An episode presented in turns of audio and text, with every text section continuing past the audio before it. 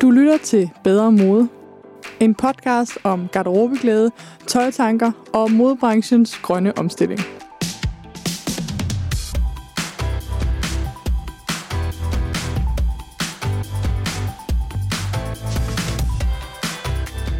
Velkommen til episode 9 af Bedre Mode. I dag der tager vi hul på det lange kapitel, som handler om at reparere og vedligeholde vores tøj. Hvis du har hørt episode 2 med historiker Marie-Louise Nosch, så ved du, at det at reparere vores tøj har været normen i det meste af menneskehedens historie, og det er kun noget, vi for nylig har glemt. På under 100 år, så har vi smidt alle vores gode tøjvaner over bords, og vi sidder nu tilbage med... Ja, hvad?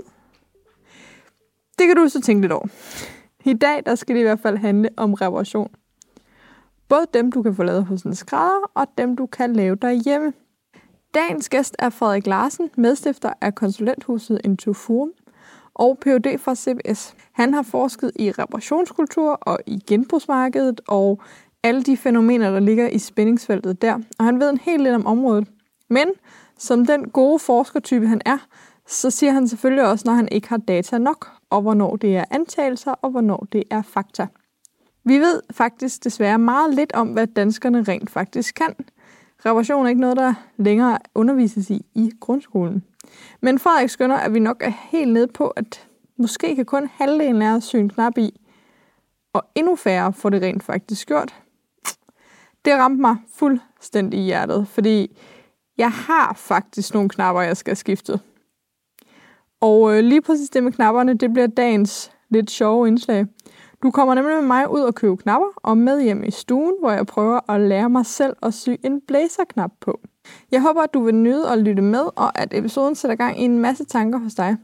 Hvis der er én ting, jeg håber, du tager med, så er det, at du ikke må lade dine egne evner afgøre, om et stykke tøj kan fikses.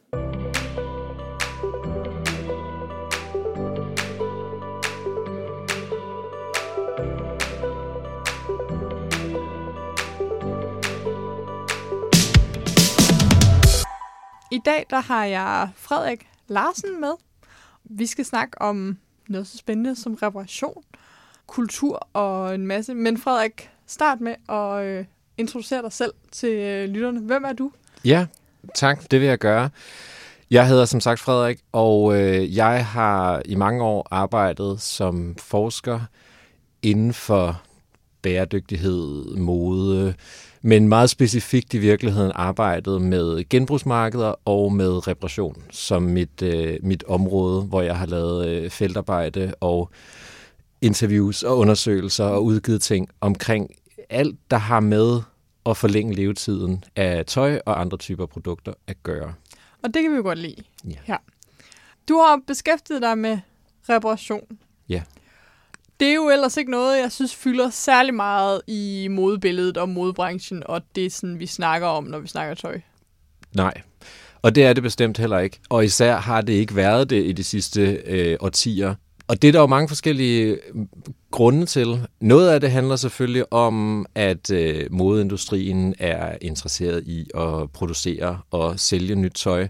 Øhm, men hvis man kigger lidt uden for industrien i sig selv, så er det også noget med, at vi som forbrugere er, er blevet vant til at have adgang til en masse nyproduceret tøj, så vi ikke øh, behøver at reparere det.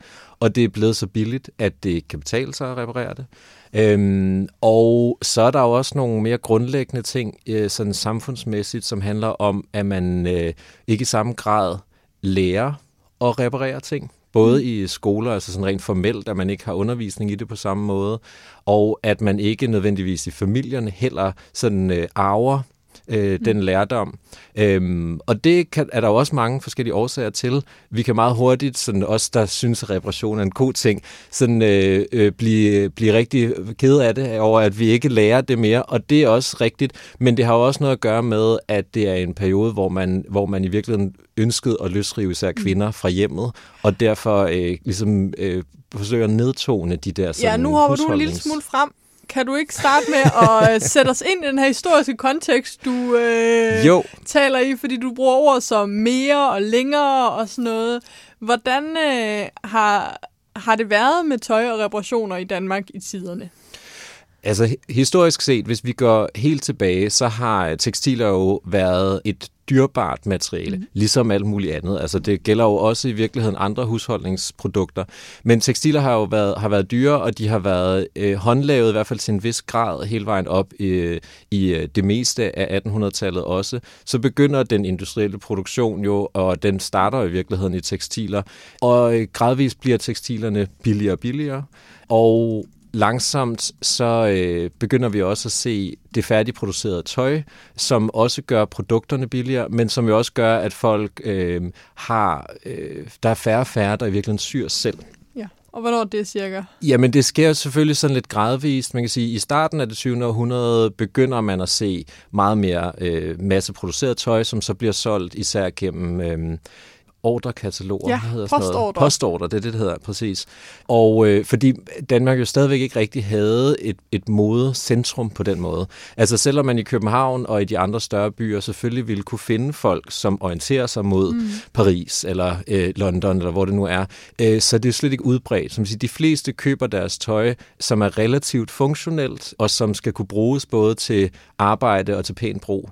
Øhm, og der er stadigvæk en stor del af det, som bliver øh, tilpasset, og der er mange, der holder fast i at sy selv, eller i hvert fald øh, arver eller lærer det, det, at man kan gøre det, øh, især netop øh, kvinder og inden for familier osv. Men da sådan den rigtige masseproduktion for alvor tager fat i løbet af 60'erne, og man ser både en voksende globalisering, altså begynder at importere mm. mere tøj, og samtidig ser løsrivelsen fra de her familiære strukturer, men det er vel stadigvæk også en masse kvinder, der sidder over i Herning og masseproducerer, eller hvad? På det her tidspunkt er det. Der er, øh, altså den produktion, der har været i Danmark, øh, har selvfølgelig også været, øh, været kønnet, men, men lidt i en anden sammenhæng, fordi det har jo også i høj grad handlet om, om at lære det serielle, altså den industrielle produktion, og ikke så mm. meget det at producere et helt, et helt stykke tøj. Så øh, hvis man ser nogle af øh, optagelserne, fordi det er jo efterhånden lang tid siden, men der findes optagelser af, øh, af noget af den tekstilproduktion, der har været. Og der kan man jo se, hvor serielt det i virkeligheden er, ikke? og hvor hurtigt det skal gå. Og, at og man når du ofte... siger serielt, så er det via øh, måske mere dagligtale kalder samlebåndsarbejde? Ja, præcis. Det er nemlig det. Super. Øh, så, øh, så man ligesom øh, i virkeligheden arbejder på én ting ad gangen, og ikke nødvendigvis laver et helt stykke tøj. Nej.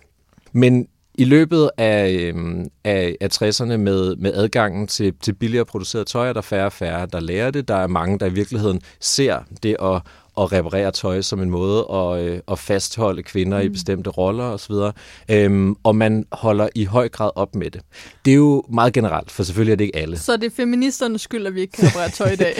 man kan sige, at det er en, en nødvendigt offer Øh, okay. Sådan kunne man måske kalde det. Men, men ja, indirekte, fordi... Øh, og, og det er jo igen nogle langt større strukturer, fordi det, som feminister gør op med, er jo også opdeling. At ja. sige, hvorfor er det kvinder, der skal gøre det her? Og hvorfor er det, vi, vi ser det, der typisk foregår i hjemmet, som mindre værd, end det at komme ud og sidde på en fabrik, for eksempel. Ikke? Ja. Så der er mange sådan aspekter i det. Øhm, men når vi så bevæger os op og øh, jo kun har set fald i priserne på tøj, øh, fra øh, især fra 60'erne og frem, men, men helt generelt, og i de seneste 15 år øh, et, et gevaldigt dyk i priser helt mm. generelt, ikke? så har øhm, sådan motivationen for at reparere noget som helst øh, været nærmest, øh, nærmest er forsvundet. Jeans and tops from Sears are spring wardrobe essentials on sale this week. First, jeans that fit just $10.99. They fit your shape as well as your size. And you save $5. Add the all cotton top Now just $6.99. Cool comfort and permapress too, and you save $3. Jeans in western and cinch waist, tops in stripes and solids. These wardrobe essentials are on sale through Saturday at Sears, where America shops for value. Ja, det er jo sådan i dag, at hvis man ser på det, så er der ikke meget, der kan altså i, i situationstegn betale sig at reparere. I hvert fald hvis ja. man tager kroner og øre på nykøb versus kroner og øre på en, ja. en, en virkelig kompliceret reparation. Ja, det er sandt. Jeg har øh, i de sidste år her lavet nogle øh, nogle besøg hos øh, skrædderier rundt om øh, i landet, og talt med dem netop om reparationer på tøj. Og øh, prøvet at finde ud af, øh, hvordan, er, hvordan går det egentlig? Mm. Altså er der nogen, der gør det, Spændende. og hvorfor gør de det, og hvad det? gør de? Det er der, ja. Øhm, og dem jeg, dem, jeg har talt med, det er selvfølgelig kun et udpluk, men øh, dem, jeg har talt med, øh, føler i virkeligheden, at det går ret godt. Ja. Øhm, altså forstået på den måde, at der er ikke så mange, der får syet tøj fra bunden. Til gengæld er der flere, der får repareret tøj. Og er det et opsving i de her år, eller er det sådan en... Det går, har altid gået godt, eller... Nej, de, det lyder som om, øh, at det, at det går bedre og bedre i hvert fald. Så øh, jeg tror mange af os, øh, og når jeg har spurgt folk, så er der mange, der svarer, hvorfor man repareret tøj, så er der ikke nogen, der aner det. Nej. Selv folk, der arbejder med tøj. Øh, og når man så begynder at undersøge det, så er der i virkeligheden ret mange skrædderier rundt Ja. omkring, som netop reparerer ting. De er bare lidt, lidt hemmelige, øh, men når man så begynder at snakke med dem, så viser det sig, at de har masser at lave. Og det er jo interessant i den her sammenhæng. Kan du sige noget om øh, det generelle prisniveau for sådan de almindelige reparationer? Ja, og det, det nemmeste er næsten at sige, øh, som du nævnte før, at det kan ikke betale sig. Nej. Altså, øh, men det sjove er jo så, at folk gør det alligevel. Ja. Og det var noget af det, jeg, jeg blev interesseret i under det her, øh, den her indsamling. Det var jo at sige, hvad, hvad, øh, hvad er det så, der får folk til at gøre det? Og øh, ofte stødte jeg på sjove historier fra skrædderier, der kunne vise mig ting øh, købt hos fast fashion mærker mm. som H&M eller Zara eller andre, øh, som, øh, som blev repareret, og nogle af dem havde re- været repareret flere gange. Og det er jo selvfølgelig underligt, fordi hvis det er et par jeans, der har kostet 129 kroner, og man så faktisk giver 170 kroner for at få dem repareret øh, i de syninger, der, der altid går op, som typisk er mellem benene, hvor de bliver slidt hurtigt, øh, det er knapper, der falder ud noget så og sådan Ja, præcis. Så siger det jo netop noget om, at det ikke i hvert fald altid er den økonomiske værdi, der får folk til at, at ville passe godt på deres ting og få dem til at holde længere. Nej, altså, men det kan jeg sagtens sætte mig ind i, at det er tit mere, øh, at hvis man har fundet et godt stykke tøj. altså, der er jo Ja. virkelig en, noget derude, og vi skal også snakke med en anden forsker, som har målt kvindekroppen. Altså, at øh, når man finder et stykke tøj, der passer, så kan det jo være som en nål i en høstak. Ja. Og så vil man gerne have den repareret igen og igen. Der kan Ja. også være sentimentale grunde og så videre. Ja. Hvordan finder man så sådan en af de her skjulte, gode øh, reparatører? Altså, jeg skulle lige til at sige de gule sider, men der er jo ingen af os, der ejer en telefonbog længere. Nej, altså jeg vil sige, det er i virkeligheden så simpelt som at google dem til at starte med. Mm. Men øh, så siger du netop selv, øh, hvor finder man de gode steder? Ja. For der er jo garanteret også forskel. Øh, nu vurderer jeg ikke kvaliteten af folks reparationer, men, øh, men der er ingen tvivl om, at man kan lære sine skrædder at kende. Ja. Og samarbejde, fordi man laver jo reparationer på mange forskellige måder. Altså hvis man kigger på øh, en syning, der er gået op, eller øh, et par bukser, der er slidt igennem og sådan noget, så er der jo mange måder i virkeligheden at reparere det på. Og nogen synes noget er både pænt og behageligt, handler det jo også om nogle gange, mm. og andre kan lide noget andet. Så det er jo godt at finde en, som man kan, kan samarbejde lidt med. Så man skal måske også ligesom date et par skrædder. Jeg tror i hvert fald, det er meget fint at prøve sig lidt frem og teste det af og være meget specifik. Jeg tror, det er også det, det handler om. For der kan være forskellige måder, man, øh, man har gjort det på, og øh, det kan sikkert laves på en anden måde. Men hvis man ikke siger noget, så kan man øh, hurtigt få enten en meget synlig reparation. Mm. Det måske, gør måske ikke noget, hvis man har et par øh, jeans, der i forvejen skal se ud, som om de er slidt. Men det kan jo være dumt i en anden sammenhæng. Det er i hvert fald træls med lynlåsen på en aftenkjole eller Lige præcis, ja. sådan noget. Men der vil jeg sige, der så jeg nogle, øh, nogle meget, meget interessante og dygtige metoder til at få lavet skjulte reparationer, som blandt andet handler om at åbne en søm et helt andet sted i en jakke, for eksempel, for mm. så at trække hele foret og hele jakken igennem, for at reparere den fra indersiden, og så vende det hele om igen, øh, og dampe det på plads, og så er, er reparationen fuldstændig usynlig.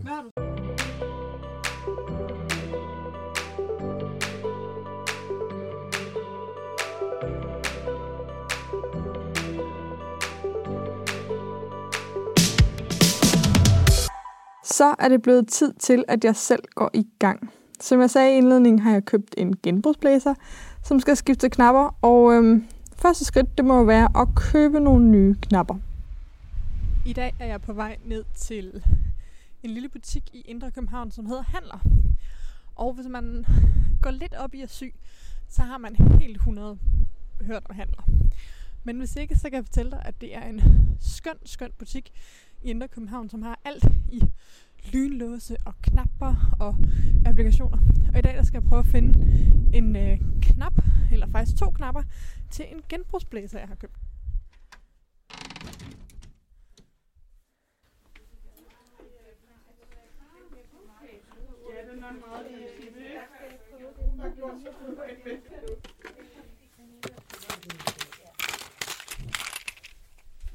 Nu har jeg så fundet en kæmpe væg med knapper herinde i butikken, hvor der er godt gang i det.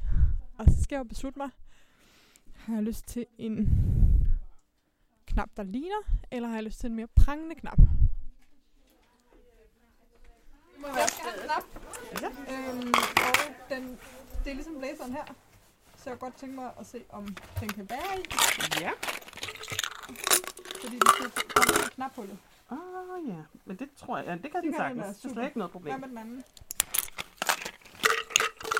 Det Den er lidt den er lidt tykkere, så det kan Ja. godt være, det er lidt sværere. Det er det. Det kan den Det ikke. kan den ikke. Nej. Så er det jo valget for mig. Det er, den har, knappen har valgt sig Den selv. er så den her. Den er meget fin. Men det duer ikke, den ikke kan lukkes. Og du har kigget godt derinde. Nej, det har jeg ikke. Jeg kan godt lige prøve at se, om der er en guldkant. Ja. Og så ser du, halvanden meter hvad er det her? Hvor, Jeg- kan jeg den se? her ligge. Ja, lad den der ligge. Den kører jeg i hvert fald. Nå, så fandt jeg lige ud af, at den ene knap, jeg havde valgt, ikke kan komme ind. Og det er jo vigtigt, når man udskifter, at man ikke skal udskifte. Her er en, der ligner. Den ligner nemlig rigtig Men den ser også for lille ud. Men ved du hvad, lad os prøve, fordi når knappen er tykkere, Nå, så skal den faktisk være mindre i diameter. ah, det er godt. Se, den er slet ikke meget for lille. Kan du se det? Ja, den er godt nok også flot. Ja. Det er sådan en lidt mere brunlig knap. Den er faktisk rigtig fin til. Ved du hvad, jeg tror, jeg tager den. Jeg kan godt lide guldkant. Ja. Jeg går kun med guldsmykker. Men så det passer den jo helt Yes. fantastisk godt til. Hvor mange skal du bruge? Ja, hvor var det ud af at beslutte? Og du er sikker på, at du ikke skal have en ekstra med, hvis der er nogen, der går en stykker? Eller falder af?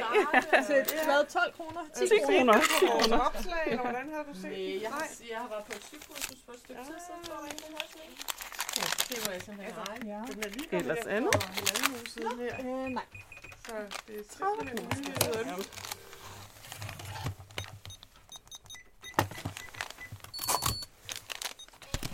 Fantastisk. Ja, jeg kan bare hjem og syge. Jamen, det er godt. God fornøjelse med det. Værsgo. tak. Lige måde. Og det var altså min tur hos øh, handlere i Indre København. Du kunne høre her, de fleste stofbutikker har et udmærket udvalg af knapper, men i København vil jeg især fremhæve handler og bondsalongen, som er steder, der i den grad er værd at støtte. De har et godt udvalg, og så får du en hel del vejledning med i købet.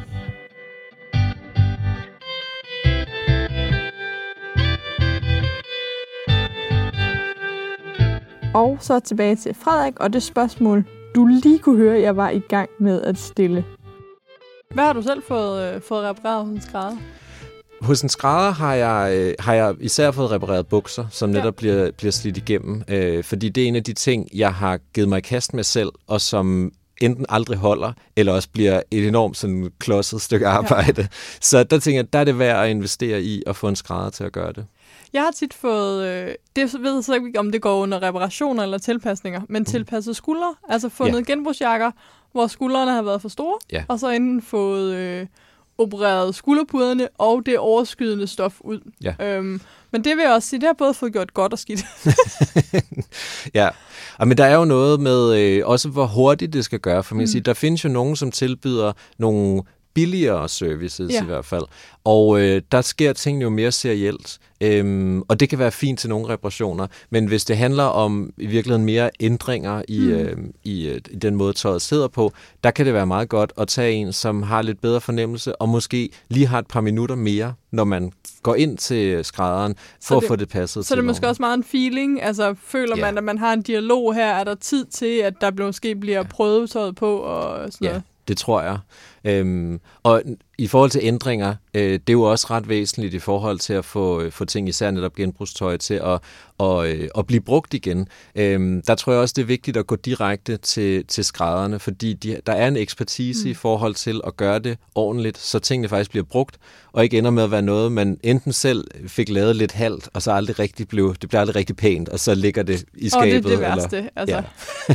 så nu siger du, gå direkte til skrædderne, så jeg har lyst til at spørge, er der forskel på renserierne, som også lige laver noget skrædderservice, og dem, der kun er skræddere? Det vil jeg bestemt sige, der er. Øhm, det vil være for, for enkelt at, at, at sige, at skrædderierne generelt er bedre, for ja. der er masser af renserierne, der har øh, skrædderuddannede. Øhm, jeg øh, jeg øh, talte blandt andet med flere, øh, med flere skrædder, som jo øh, er uddannet øh, i Syrien blandt andet, og er kommet hertil som, øh, øh, som mm. flygtning, og som øh, får et job i de her industrier, fordi det jo er, er håndværksbaseret, ja. og det er faktisk noget, man kan lave øh, med et relativt lavt øh, dansk kendskab, fordi mm. det er de samme ting, man har brug for.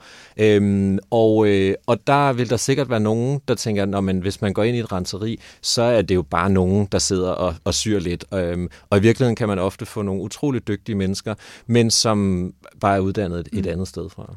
Men det kan være, at der ikke er samme kommunikationsniveau, så, så derfor... Det, det kan nemlig være, og det er der, hvor det også kan være vigtigt at, at vise, og det tror jeg egentlig gælder næsten lige meget, hvor det er, fordi det handler jo også om æstetik i virkeligheden. Mm. Altså, der er, øh, der er nogen, der, der lægger bukser op på en eller anden måde. Der er nogen, der synes, det, det er rigtig pænt, når en, en øh, reparation bliver meget sådan, symmetrisk mm. og, og er meget lige, og, og andre, der i virkeligheden synes, det er ret pænt, hvis det ser lidt, lidt groft ud, fordi man, det bliver alligevel ikke usynligt, så lad os hellere gøre det sådan lidt, lidt, øh, lidt rough. Og, og det er jo meget forskelligt. Så der tror jeg, det er bare vigtigt at, at netop være meget, øh, være meget tydelig. Nogle af de andre sådan lidt sjovere, ret gamle teknikker, øh, jeg, øh, jeg fandt, var også hos græder, som, øh, mm. som kan lave stopninger i, øh, i uldjakker for eksempel, ja. hvor man ligesom lægger, øh, lægger øh, et stykke stof under et hul, for eksempel. Det kan være et hul, der er brændt i en jakke af cigaretter, eller der er simpelthen der er gået møl i, mm. eller hvad det er. Og så ligesom trækker fibrene igennem stoffet, så man laver fuldstændig usynlige lukninger. Ja. Øhm, og så nogle ting er fascinerende at se håndværk, som, som man ikke anede eksisterede, og som kun bliver lavet af ganske få, fordi der heller ikke er nogen, der køber en jakke, der i virkeligheden ved, at man kan det. Nej, det er helt fantastisk. Altså, og ja. der, øh, der tror jeg i virkeligheden, at der er mange, som når der er et eller andet, de ikke selv ved, hvordan man fikser, så tænker de, at de ikke kan fikses. Ja. Altså, hvis, og vi har jo, som du siger, meget begrænset håndarbejdsviden. Ja. Men man er sådan, hov, det kan jeg ikke selv fikse. Jeg kan ikke tænke den dygtigste i min familie, jeg kender til sø, vil ikke kunne fikse det. Ja. Ergo kan det ikke fikses. Og det er jo så ofte ikke rigtigt. Nej, der er tit noget, der kan gøres i hvert mm. fald.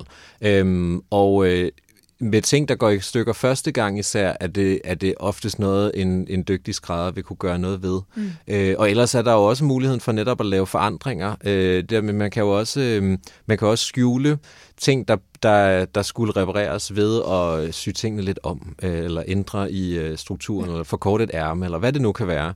Øh, det er jo også noget, skrædder kan gøre i virkeligheden. Ja, så der er masser af muligheder derude. Det er bare med at... Øh finde en øh, skrædder og øh, opbygge et godt forhold. Kan du sige noget om, hvor stor en by skal man ud til? Altså findes der en skrædder i hver eneste lille flække, eller er vi er sådan op i købstaderne, eller? Ja, altså der, der, der skal nok en vis størrelse til, for at der er for det er nemt at komme til en ja. skrædder. Det er i hvert fald mit, øh, mit overblik. Og hvad er en vis størrelse? Er det 30.000 mennesker, eller? Det, jeg tror, den, den viden har jeg virkelig ikke, fordi jeg har ikke lavet et, et sådan et decideret øh, overblik på den måde. Øh, også fordi det er lidt forskelligt. Der er jo øh, der er nogle steder mindre byer, hvor, mm. der, hvor der har været nogen, og så tilbyder man skrædderservice i virkeligheden mere sådan ud af sit eget hjem, og så ved folk godt, at der mm. er en, der kan, der kan reparere her. Og sådan Så det er, også, det er jo stadigvæk lidt skjult, og det er det, der er lidt skægt, fordi nu snakker vi meget om skrædderierne, og mm. det er jo mm. rigtig godt for alle os, der ikke kan reparere. Men det er også skægt, fordi reparationer jo ofte er en af de der ting, som er lidt skjult lige meget hvad. Altså i, øh, i vores moderne sådan, forbrugssamfund er vi jo blevet meget orienteret mod køb som det, der, øh, som det, der definerer øh, hvad skal man sige, vores, øh, mm. vores forbrug, vores, virkelig vores øh, forhold til de ting, vi omgiver os med. Men det er vel også skjult, fordi at vi ikke har lyst til at se det. Altså, vi ikke har lyst til at se tøj, der er repareret. Ja. Jeg er skilsmissebarn, og kan huske, at min mor har haft sådan en sætning, og hele mit liv, der fattede jeg ikke, hvad det betød. Hun sagde bare, man må ikke kunne se de skilsmissebørn. Ja. Og det var jo for eksempel, at øh, selvom hun var ret god til syg, så når der var hul, vi skulle ikke have hul på knæene. Nej. Eller sådan nogle ting, eller i hvert fald lapper på knæene. Ja. Altså, der er jo noget omkring, at lappede ting, eller ting, der er meget synligt repareret, de ser slidte, de ser fattige, de ser lurvede ud. Ja. Kan du prøve at snakke lidt om det? Ja, og, og der er jo sådan nogle perioder, kan man sige, historisk set også. Jeg er ikke på den måde reparationshistoriker, kan man sige, så jeg tør ikke sætte årstal på. Men hvis man kigger, øh, hvis man kigger tilbage til, til, øh, til en forældregeneration i øh, 50'erne og 60'erne for eksempel, øh, så har man jo været vant til, at der var bestemte ting, man, øh, man godt måtte sætte lapper på, for eksempel. Ja. Og det var ikke nødvendigvis et tegn på, at man var fattig. Det var måske ikke et tegn på, at man var rig, men det var ikke, det var ikke usædvanligt. Og så er der til gengæld ting, der bestemt ikke måtte være slidte, men det der med at se ordentligt ud, kunne i virkeligheden også være at have repareret, tingene ordentligt. Mm. Øhm, og, øh, Så man og kunne være nogle, en dygtig husmor, hvis man havde gode ja, lapper. hvis, præcis. Hvis der er nogle flotte læderlapper på armene på en, en uldsvætter, Ja. så gør det ikke noget.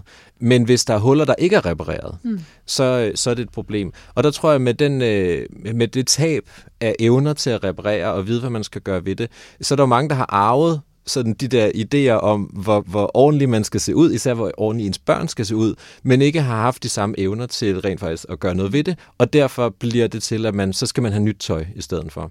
Øhm, og det tror jeg i 80'erne og 90'erne øh, har været meget udbredt.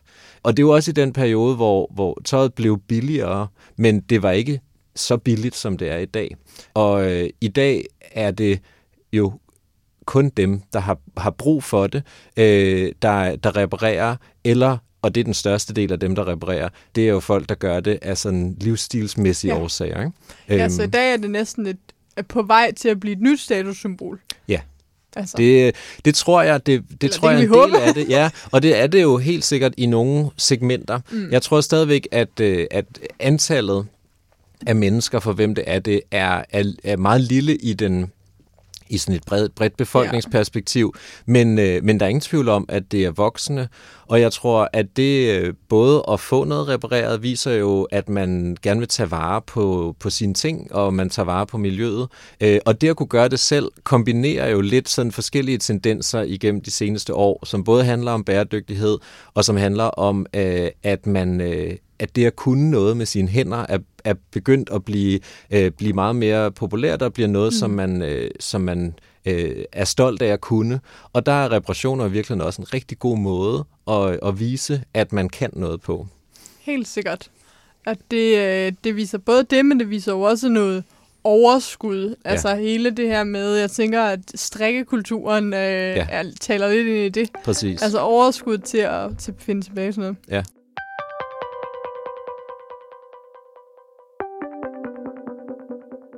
Har du en form for overblik over, hvilke skills, der er bevaret?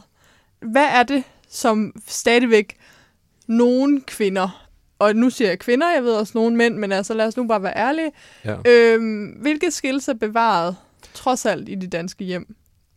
Jamen, Eller i nogle danske hjem? altså jeg tror, jeg har ikke et overblik, Nej. men, men jeg vil meget gerne give nogle bud og måske nogle, nogle interessante betragtninger Ja. fra det arbejde, jeg har lavet. Fordi noget af det, jeg ofte spørger om, når jeg øh, for eksempel holder et foredrag om, om et eller andet, mm. det er jo, hvor meget, øh, hvor meget folk selv kan, altså i, Ja. i publikum. Øh, blandt andet bare spørge noget så simpelt som, øh, hvor mange der mener, de kan sy en knap i. Ja. Og det varierer jo enormt meget. Og jeg vil sige, du har ret i, at der er en overvægt af kvinder, der i hvert fald siger, at de kan, så det er jo et spørgsmål, om man kan. Men, men, øh, men det er en af de ting, men, men det varierer utrolig meget. Nogle gange er, man, er jeg ude i sammenhæng, hvor der er ingen, der mener, at de kan sy en knap Ej, i. det er næsten sørgeligt, ikke? Jo, det er. Og i andre sammenhæng, så prøver jeg at spørge, hvor mange, hvor mange mener, de kan, og hvor, andre, hvor mange har så gjort det. Ja. Og så falder antallet også. Fordi en ting er at sige, jamen det kan jeg godt. Ja. Men det er så rent faktisk at gøre det, det er noget helt andet. Så på nogen måde tror jeg, vi skal, vi skal meget langt ned i forhold til at kunne knap- reparere noget Jeg har en knap liggende her i min punkt. øh, I kan ja. Næsten høre det, og den, øh, jeg er jo uddannet mønsterkonstruktør, så jeg kan godt en Ja, okay, knap i. godt, ja. det, er, det er den der med, jeg kan godt. Ja. Jeg skal nok også lige gøre det Ja. en dag. Jeps, jeg følte mig meget ramt. Især med knapperne liggende og ventende i min pung. Så øhm, lad os da komme hjem i min stue og få syet de knapper på. Fordi måske vidste jeg faktisk ikke helt, hvordan det skulle gøres sådan ned i fingrene. Fordi selvom jeg har en grundlæggende viden om det og har studeret det, så er faktisk i hvert fald meget længe siden, hvis om end nogensinde, har jeg syet blæserknapper på. Så det må jeg lige finde ud af. Nu er jeg så kommet hjem med mine knapper, og jeg har også fundet sådan en særlig recyclet polyester, lidt tykkere blæsertråd. Jeg har en saks, og skal til at sy de her knapper på. Nu vil jeg ønske, at jeg kunne sige, at jeg var gået direkte hjem og fået det gjort. Men der er faktisk gået to måneder, hvor jeg har brugt min blæser, og ikke lige fået skiftet knapperne ud. Og det er der to grunde til. Den ene er, at øh, det der med lige at få sat sig ned og gjort det. Den anden grund er, at øh, jeg faktisk ikke rigtig ved præcis, hvordan man syr sådan en jakkeknap i. Øhm, jeg ved godt, at det ikke er samme teknik, som når man syr en skjorteknap i. Men jeg ved faktisk ikke helt præcis, hvordan. Så jeg tager lige øh, knapperne ud her. Mine øh, skønne, skønne knapper. Og øh, så det første, jeg gør er jo selvfølgelig at klippe det andet, de gamle knapper af. Og mens jeg klipper dem af, så øh, tænker jeg faktisk, at jeg skal have fundet mig en film, hvor jeg kan se, hvordan filen man gør det. Fordi hvis der er noget, man ikke kan, så findes der et godt sted at lære det, og det er YouTube. Og øhm, jeg ved, at der findes masser og masser af videoer på YouTube, og det er jo mit tip til andre, så nu må jeg hellere tage min egen medicin og øh, søge How to sew on a blazer button. Yes, perfekt. Der er en her på 5 minutter, det kan jeg lige overskue. Hi, I'm Tina Jesse, founder of Sewing Tip. Welcome to today's helpful sewing tips. Today I'm Det er en skøn, skøn amerikansk husmor, der sidder med sit quiltet tæppe på en øh, fantastisk lædersofa og så videre. Så øhm, hende, øh, hende må jeg nok hellere lige se på øh, og få nogle tips fra. going to show you how to sew a button back onto a suit jacket and make it nice and secure. Så har jeg ligesom syet den første knap i. Og øhm, det smarte ved den her teknik, det er, at man ligesom skjuler alt ned under knappen. Og så sidder den stadigvæk super fint på. Jeg er virkelig glad for mit valg af knap, som var sådan en lidt mere guld en. Og jeg skal selvfølgelig nok lægge et billede op på Instagram, så I kan se det. Øhm, men altså, en lille Ja, hvad, brugt, hvad var videoen? 5 minutter på YouTube. Jeg så lige nogle skridt to gange. Og øhm, så er det altså på. Det tog måske i alt 15 minutter at skifte en knap. Jeg kommer ikke til at forklare her i podcasten præcis, hvordan man gør, fordi jeg er ret sikker på, at det bliver noget hø på lyd. Men jeg anbefaler altså altid, at du ja, går ind på YouTube og øh, prøver at se, om, øh, om ikke du kan lære dig noget der. Jeg forstår virkelig ikke, hvorfor jeg ventede så længe med at gøre det. Men det er jo typisk med reparationer. Altså det er tanken om det, der i virkeligheden tager længere tid, end at fikse det egentlig. Så nu klipper jeg knap nummer 2 af. Jeg ventede nemlig lige for at se, om jeg kunne finde ud af knap nummer 1. Og øhm, jeg kan jo lige teste ved at lukke jakken, for at se, om den sidder der, hvor den skal. Øhm, om det ser pænt ud. Det ser super pænt ud. Og den sidder helt rigtigt. Jamen altså, så er det jo bare at øh, sy knap nummer to på, og så har jeg mig en øh, fin blazer. Og øh, så må vi hellere komme tilbage til interviewet med Frederik.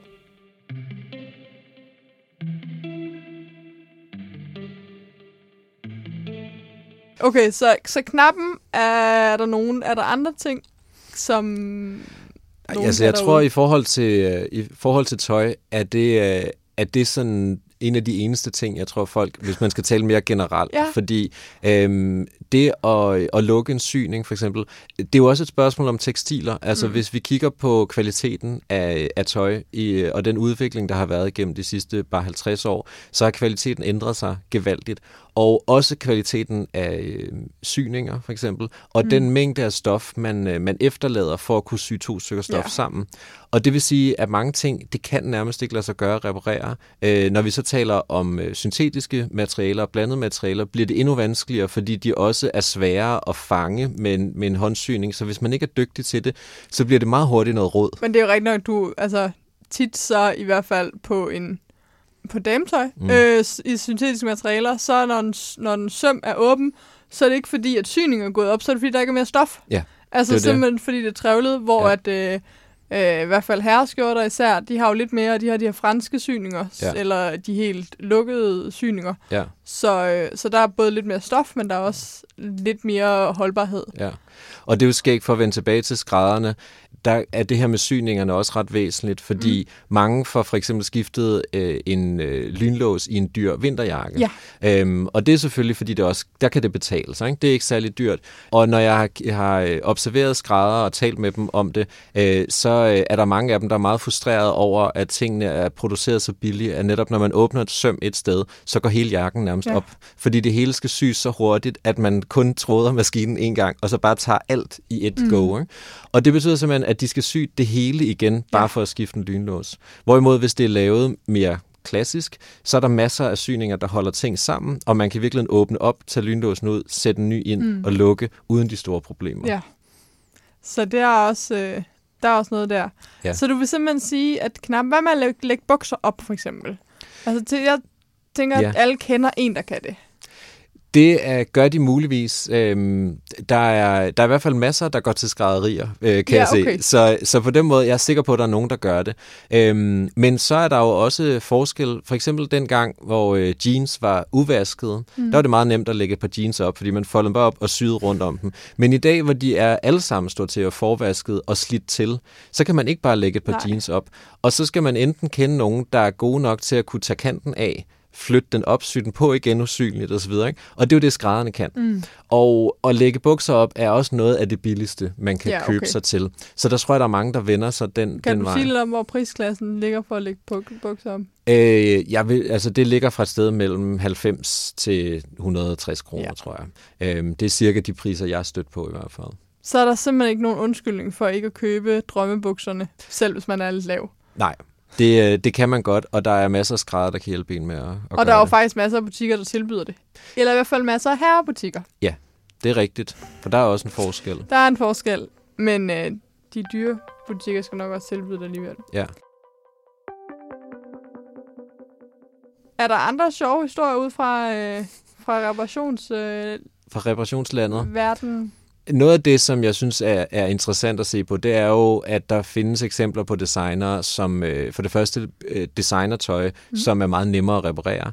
Øh, men der er også designere, der er begyndt at arbejde med, øh, med gammelt tøj, som de virkelig reparerer på. Også selvfølgelig tilpasser sådan upcyclingsmæssigt, men laver reparationer øh, i strik for eksempel, hvor man Mm. simpelthen ligesom øh, øh, strikker hullerne ud i gammelt tøj og gør det til nærmest små kunstværker i stedet for.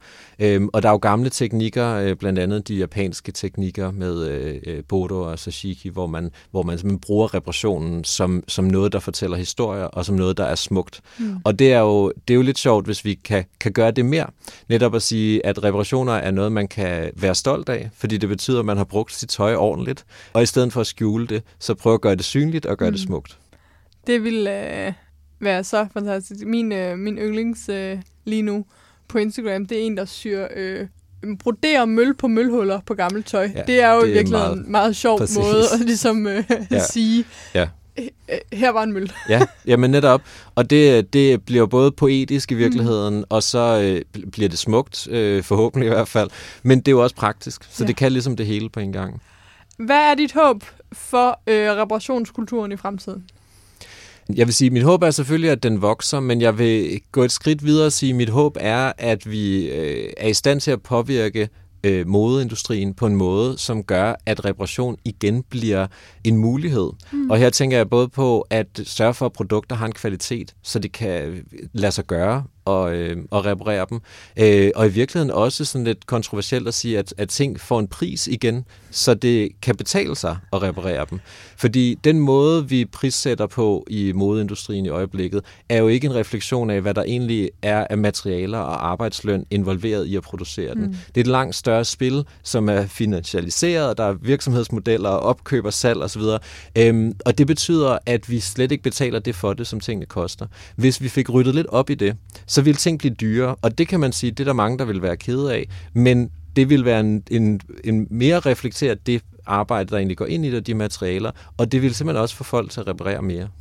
Og det, det vil være mit store håb. Så dyre tøj i bedre materialer med længere sømme. For eksempel, ja. Det med de længere sømme er en, en vigtig del, så ja, endelig. Fantastisk. Jamen, øhm, det er hermed sendt videre sammen med alle de gode tips til, hvordan man øh, finder en god skrædder og øh, får repareret ting. Ja. Tak for det. Selv tak. Du har lyttet til Bedre Mode, en podcast af mig, Johanne Stenstrup, produceret for Sustain Daily. Podcasten er klippet færdig af Annette Halstrøm, og vi er super glade for, at du lytter med. Inde på siden bedremode.nu kan du finde show notes, altså en lille beskrivelse af hver episode, samt de relevante links, der nu skulle være. Og jeg bliver også sindssygt glad, hvis du har lyst til at komme med feedback. Det kan du enten gøre inde på siden, hvor der er et kommentarspor. Du kan gøre det i din podcast-app ved at lægge en anmeldelse. Eller du kan gøre det på Instagram, hvor jeg også er under navnet Bedre Mode. Jeg vil sindssygt gerne høre, hvad for nogle tanker den her podcast har sat i gang for dig. Og hvis du har forslag til gæster, ting vi skal tage op, eller bare spørgsmål i det hele taget. Tusind tak, fordi du lytter med, og så ses vi, eller lyttes vi ved i næste uge.